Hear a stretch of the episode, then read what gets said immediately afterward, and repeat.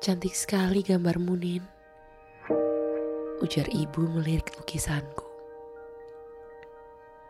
Lebih cantik lagi kalau mengikuti seniman yang karyanya waktu itu kita lihat di ucapanku terhenti kala ibu tertawa mengejek. Nin, kalau kamu berkarya hanya untuk menyenangkan hati orang, tak akan ada habisnya.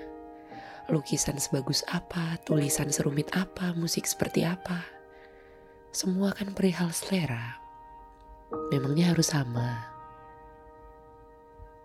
Aku termenung-menung mengamati karyaku tak menyangka. Kalau hatimu sendiri bagaimana? Senang tidak sama hasilnya? Tanya ibu awas. Ia menatapku lama menunggu jawaban. Aku memiringkan kepala ke kanan dan ke kiri. Menarik lukisannya menjauh, lalu mendekat. Aku sih suka sekali, Bu. Ujarku demikian. Ibu menghampiriku dekat sekali.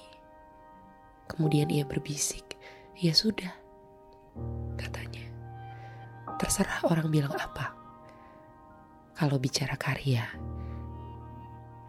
yang paling penting itu hatimu.